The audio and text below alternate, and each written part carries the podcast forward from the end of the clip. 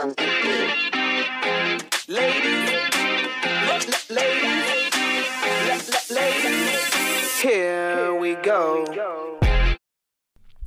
allemaal en welkom bij een nieuwe aflevering van The Healthy Chats. Ik heb vandaag een hele mooie topic voor je over intuïtief eten. Ik geloof dat dit de eerste keer is dat we over intuïtief eten gaan praten. En dan zal ik je voordat we beginnen gelijk eventjes uitleggen dat ik iets anders in intuïtief eten sta dan de meeste mensen op social media. Daar zie ik het in elk geval vaak langskomen. Ik ben niet zozeer aanhanger van intuïtief eten op de traditionele manier, waarbij gezegd wordt dat als je maar intuïtief eet, dan val je vanzelf af, want je lichaam wil slank zijn. En als je intuïtief gaat eten, dan ga je je lichaam vanzelf accepteren, no matter wat voor gewicht je hebt. En dan wil je misschien wel helemaal niet meer afvallen. Ik denk dat dat een hele mooie sprookjeswereld is, die voor sommige mensen waar is. Voor mij onder andere is dat ook zo gegaan, maar ik zie ook dat het niet voor iedereen op die manier werkt. En dat veel mensen toch ook wat houvast nodig hebben. En dat het intuïtief eten op de traditionele manier gewoon te vaag voor ze is om daar goed een grip op te krijgen en dat goed te kunnen omzetten. En dan ben ik van mening dat je intuïtief eten, de, de benefits van intuïtief eten, ook kunt hebben als je wel meer met structuur en houvast werkt. Dat ga ik je in deze podcast vandaag uitleggen. Oké, intuïtief eten. Wat is dat überhaupt voordat we beginnen? Wat is de definitie van intuïtief eten? Intuïtief eten betekent eten op gevoel en op basis van wat je weet wat werkt. Dat houdt dus in dat we bij intuïtieve voedingskeuzes die wij maken of intuïtief leven kijken naar hoe we ons voelen, dat we onze keuzes baseren op hoe ons lichaam voelt of hoe wij ons die dag voelen of hoe wij ons op die fase van ons leven voelen. Maar ook op basis van wat we weten wat werkt. Je kan niet zeggen van, oh, maar ik voel me erna om een hele zak chips leeg te eten, omdat je ook weet dat dat niet goed voor je is. Dat je daar vervolgens heel veel dorst van krijgt. Dat je je daar lichamelijk over voelt. Dat je je daar mentaal niet goed over voelt. Dat speelt allemaal mee. Dus je kan nooit rechtvaardigen met intuïtief eten dat dat soort dingen oké zijn om te doen. Het is niet erg als ze voorkomen. Hè? We zijn allemaal lerende en zo. En dat is helemaal niet erg. We zijn mensen, we maken af en toe ja, beslissingen die niet zo goed zijn. Of onze dag gaat op een manier waarop hij zo loopt. En dat is oké. Maar je kan in elk geval niet zeggen oh, ik eet intuïtief, ik luister naar mijn gevoel en ik wil nu een heel pak haagslag opeten. We moeten dus ook weten wat voor ons werkt. Je hebt dus een bepaalde basis nodig, basiskennis nodig van het lichaam, van hoe jij je voelt als je bepaalde dingen doet. Weten van wat werkt om je gezond en vitaal te voelen. En dat passen we ook toe in intuïtief eten. Dus gevoel en kennis. Maar we hebben vaak nog iets nodig. En dat zijn helpende richtlijnen. Waarom? Omdat wij ook een houvast nodig hebben. Hè? Die houvast waar ik het in het begin over had, die veel mensen missen bij intuïtief eten, is een alternatief voor de regels die zij kennen. Voor het eventueel calorieën tracken wat zij jarenlang gedaan hebben. Voor elke dag op de weegschaal staan. Voor het monitoren van hun lichaam. En richtlijnen die helpen je erbij om te weten wat we kunnen doen om ons goed te voelen. Ze bieden die houvast, ze bieden die structuur zonder te beperkend te zijn. Ook helpen richtlijnen bij het vormen van routines. En routines heb je weer nodig om makkelijker aanpassingen te kunnen maken, die vervolgens ook weer een gewoonte worden. Stel dat je geen richtlijnen had, dan zou je jezelf bijvoorbeeld bij elke maaltijd, bij elke snack, bij elke voedingskeuze die je maakt in de winkel, zou je jezelf elke keer moeten afvragen: heb ik hier zin in? Wil ik dit nu eten? Hoe zou ik me voelen als ik dit zou eten? Hoe zou ik me voelen als ik dit niet zou eten? Wil ik dit echt? Hmm, wil ik dit nu? Kan ik dit ook later eten? Wat is balans hierin? En als je jezelf dat met alles gaat afvragen wat je in de dag gaat doen, dan ben je daar ontzettend mee bezig. En dan creëer je eigenlijk een soort van overfocus over het eten. Juist hetgeen wat intuïtief eten probeert om niet te zijn, dat creëer je dan juist. En die overfocus, die is nou juist niet helpend. Die zorgt ervoor dat we juist heel erg krampachtig met eten omgaan. Die zorgt ervoor dat we dingen als goed of slecht gaan beschouwen. Die zorgt ervoor dat we continu met eten bezig zijn, waardoor we ook veel meer honger hebben en ook gaan overeten, ons vervolgens weer slecht voelen, vervolgens weer gaan compenseren, terechtkomen in eetbuien. En dan blijf je struggelen met het willen omzetten van intuïtief eten, maar het lukt je gewoon niet. We weten dat we wetenschappelijk gezien 200 keuzes elke dag maken rondom eten. Dan begint al morgens met: ga ik nu ontbijten of neem ik mijn ontbijt mee naar werk? Dat gaat verder met: ga ik met mijn collega's lunchen of blijf ik aan tafel zitten? Pak ik mijn tweede broodje er nog bij of bewaar ik die voor later? Uh, oh, ik loop langs de machine waar ze snacks in hebben. Zal ik een snack pakken of sla ik die over? Neem ik een kuppen soep of neem ik een chocomel? Uh, zal ik nu nog naar de winkel gaan en avondeten halen of zal ik mijn restjes van thuis opmaken? De hele dag door zijn wij met al die beslissingen rondom eten bezig. Het zijn er al 200.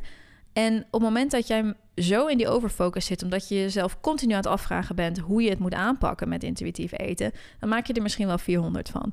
En dat is natuurlijk absoluut niet helpend en dat maakt je juist obsessief. Dus hoe meer jij kunt automatiseren, hoe meer jij routines hebt op basis van richtlijnen, dingen die je met jezelf hebt afgesproken, hoe makkelijker je door je dag zult gaan. Wij hebben een bepaalde batterij aan beslissingen kunnen nemen. En aan het einde van de dag is die op. Dat is ook precies de reden waarom de meeste mensen in de avond eetbuien hebben. Omdat dan hun beslissingsvermogen gewoon een beetje opgeraakt is. Ze kunnen dan geen weloverwogen beslissingen meer nemen. Wij kunnen dan geen, ik ben geen alien, maar wij kunnen dan geen weloverwogen beslissingen meer nemen. Dus hoe meer op basis van routines gaat, hoe makkelijker je het jezelf maakt. Maar je wilt natuurlijk ook niet dat die routines te strikt zijn en dat het regels vormen. Want dan zit je natuurlijk ook weer niet in de kant van de benefits van intuïtief eten. Dus hoe kun je dat doen op een manier die helpend is en toch voldoende intuïtief? Richtlijnen versus regels. Ik ben geen voorstander van regels. Ik ben absoluut een heel groot voorstander van richtlijnen. Wat is het verschil? Regels zijn beperkend. Dat houdt in dat je een regel hebt die jou eigenlijk niet toestaat om bepaalde dingen te doen. Bepaalde dingen mogen niet. Je gaat dus heel erg makkelijk denken in dat mag niet, dat mag wel, dit is goed, dat is slecht. Ik heb dit goed gedaan, ik heb dat slecht gedaan. En daarmee zet je jezelf vast. Een regel is een soort van beperkende afspraak met jezelf. Je kan het eigenlijk alleen maar goed of fout doen en er is geen gradatie tussenin regels zijn ook niet flexibel, ze zijn strikt. je hebt vaak niet een regel van, oh, af en toe mag je dit en af en toe mag je dat en dan doe je het eens zo en dan doe je het eens zo. Nee, het is gewoon zo. Het is dus heel weinig ruimte voor gevoel en voor hoe jij dingen die dag wil doen. Wat natuurlijk op de ene dag anders kan zijn dan op de andere dag, of in een ene moment anders dan in een ander moment. Juist een van de kenmerken van intuïtief eten, van het gevoel, dat komt hier niet in terug. En tot slot hebben regels consequenties. Als jij de regel die jij voor jezelf hebt gesteld niet volgt, dan zit daar een consequentie aan vast. Dat kan een letterlijke consequentie zijn dat je tegen jezelf zegt van oké, ik heb dit of dit gegeten, dan mag ik morgen niet dat of dat eten. Maar het kan ook zijn dat de consequentie is dat jij je slecht voelt over jezelf, dat jij vindt dat je gefaald hebt. Hè? Dan is de consequentie misschien meer mentaal, maar er is een consequentie, er zit een negatieve consequentie aan regels vast. We gaan naar de richtlijnen en hoe deze eigenlijk veel beter zijn om jou houvast te geven. Richtlijnen zijn bedoeld om helpend te zijn. In contrast tot de regels die beperkend zijn, zijn richtlijnen helpend. Richtlijnen zijn bedoeld om jou structuur te geven, houvast te geven, maar ook voldoende ruimte om dingen op gevoel te doen, om dingen op jouw manier te doen, om dingen het ene moment anders te doen dan het andere moment. Je kan het vastpakken en de houvast gebruiken, maar het hoeft niet. Je hebt altijd de keuze. Dat maakt richtlijnen ook flexibel. Tweede kenmerk. Het hoeft niet altijd op die manier te gaan. Je hebt ruimte om het op een andere manier te doen als jij dat op die manier beslist. Je kunt een richtlijn zo vast of losmaken als je zelf merkt dat je die nodig hebt. Sommige richtlijnen wil je misschien wat vaster hebben, andere richtlijnen wil je misschien wat meer wiggle room hebben. Dat is aan jou om aan te voelen, maar die ruimte is er wel. En dat houdt natuurlijk ook weer in dat er niet zoiets is als consequenties als je het op een andere manier doet. Het enige wat je zou kunnen doen is denken van oké, ik heb mezelf iets te veel vrijheid gegeven, daar ben ik niet tevreden mee. Dat heeft ertoe geleid dat ik zo en zo met eten ben omgegaan. Dat vind ik niet fijn, dat wil ik de volgende keer anders doen. Dus ik ga dit voor mezelf aanpassen. Ik ga een wat duidelijkere afspraak met mezelf maken. Of ik ga een andere afspraak met mezelf maken. Maar je geeft jezelf de ruimte om de balans op te zoeken. Om dingen misschien eens een keer anders te doen. Te kijken hoe dat voor je uitpakt. En daarvan te leren en dat weer te implementeren. Goed, hoe zou dat er in de praktijk uit kunnen zien? Ik denk dat jij in je leven al meer gebruik maakt van richtlijnen dan je nu denkt. Zelfs al heb je misschien eetproblemen of kamp je misschien met een eetstoornis, ook dan hebben de meeste mensen richtlijnen en kun je wat je daarmee doet toepassen op een groter gebied van je leven. Een richtlijn kan bijvoorbeeld zijn om door de week geen alcohol te drinken. Ik ken best veel mensen die dat niet doen. Die hebben gewoon de afspraak van, nou, door de week geen alcohol. Ik weet gewoon dat gaat interfereren met mijn werk. En dat is, hè, dan ehm, voel ik me de volgende ochtend niet uitgeslapen als ik naar werk moet. Dus ik drink niet door de week. Ik drink alleen in het weekend. Dat is een helpende richtlijn. Hè? Hij kadert heel mooi af wanneer is alcohol wel helpend voor de gezelligheid in het weekend. Wanneer is hij niet helpend voor je slaap gedurende de week. Maar die richtlijn kan ook flexibel zijn. Ik denk niet dat jij krampachtig gaat vasthouden aan die richtlijn op het moment dat er een keer een personeelsfeestje is op een woensdagavond. Of als jouw vakantie een keer op een donderdag begint. Hè? Dan ga jij niet denken van nee, maar het is nog niet vrijdagavond, dus ik mag vandaag nog niet drinken. Je hebt al de ruimte aan jezelf gegeven om daar een beetje in te variëren als dat anders uitkomt.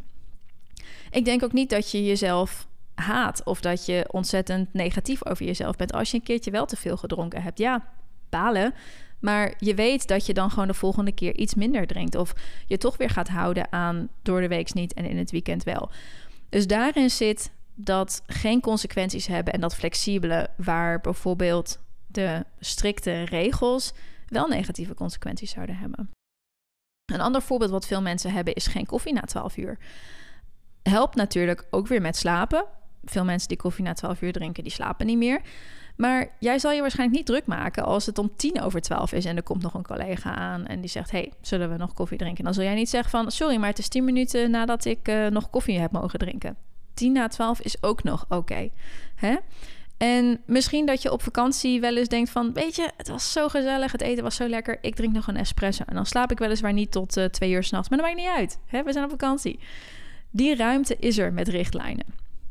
Nog een voorbeeld, je bedtijd. Waarschijnlijk heb je een bepaald idee van wanneer je ongeveer naar bed wilt gaan. Misschien tussen 10 en 11 uur. Denk dat veel mensen dat ongeveer hebben.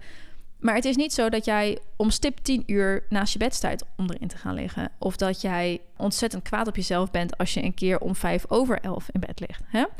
Deze ruimte die we vaak al hebben in bepaalde gedragingen, gezondheidsgedragingen eigenlijk in ons leven, die maken we zo krampachtig als het om voeding gaat. Stel je voor dat je dat zou doen met de voorbeelden die ik net genoemd heb, op de manier die ik net heb beschreven. Dat zou toch nergens op slaan? Dat je zegt: nee, ik moet nu naar bed, want het is één minuut over tien. En als ik dat niet doe, dan haat ik mezelf morgen. Dat slaat nergens op. Waarom zou je dat doen met eten? Richtlijnen zijn nodig voor ons. Voor heel veel mensen zijn richtlijnen nodig om structuur te hebben, om houvast te hebben, om te weten wat we moeten doen en hoe we dat moeten doen om los te laten dat we alles moeten monitoren en overal mee bezig moeten zijn. Maar we vallen in de valkuil van het te strikt maken, van het te beperkend maken, van er consequenties aan vastmaken. Dus probeer een structuur voor jezelf te designen die helpend is, waarvan jij weet: dit werkt voor mij. Die ruimte biedt voor hoe je je voelt op dat moment, op die dag, in die fase. En zonder negatief over jezelf te praten, zonder negatieve consequenties. Als je dit gaat toepassen en je begint met een aantal dingen in je leven en je maakt dat steeds groter, dan heb je een van de keys, denk ik, van leren intuïtief eten en leven, heb je gemasterd. En ik denk dat jou dat enorm gaat helpen. Dus ik zou je willen aanraden om deze podcast gelijk nog een tweede keer te luisteren en misschien eventjes mee te schrijven, want het is een ingewikkelde materie die ik hier heb um, uitgelegd. Maar nogmaals, je gaat er heel veel aan hebben. En natuurlijk vind ik het prima om er nog een keer een podcast over op te nemen en meer uit te leggen als je dat wilt. Dus laat mij dat vooral weten. Ik wens je er voor nu heel erg veel succes mee en ik spreek jou weer in de volgende podcast.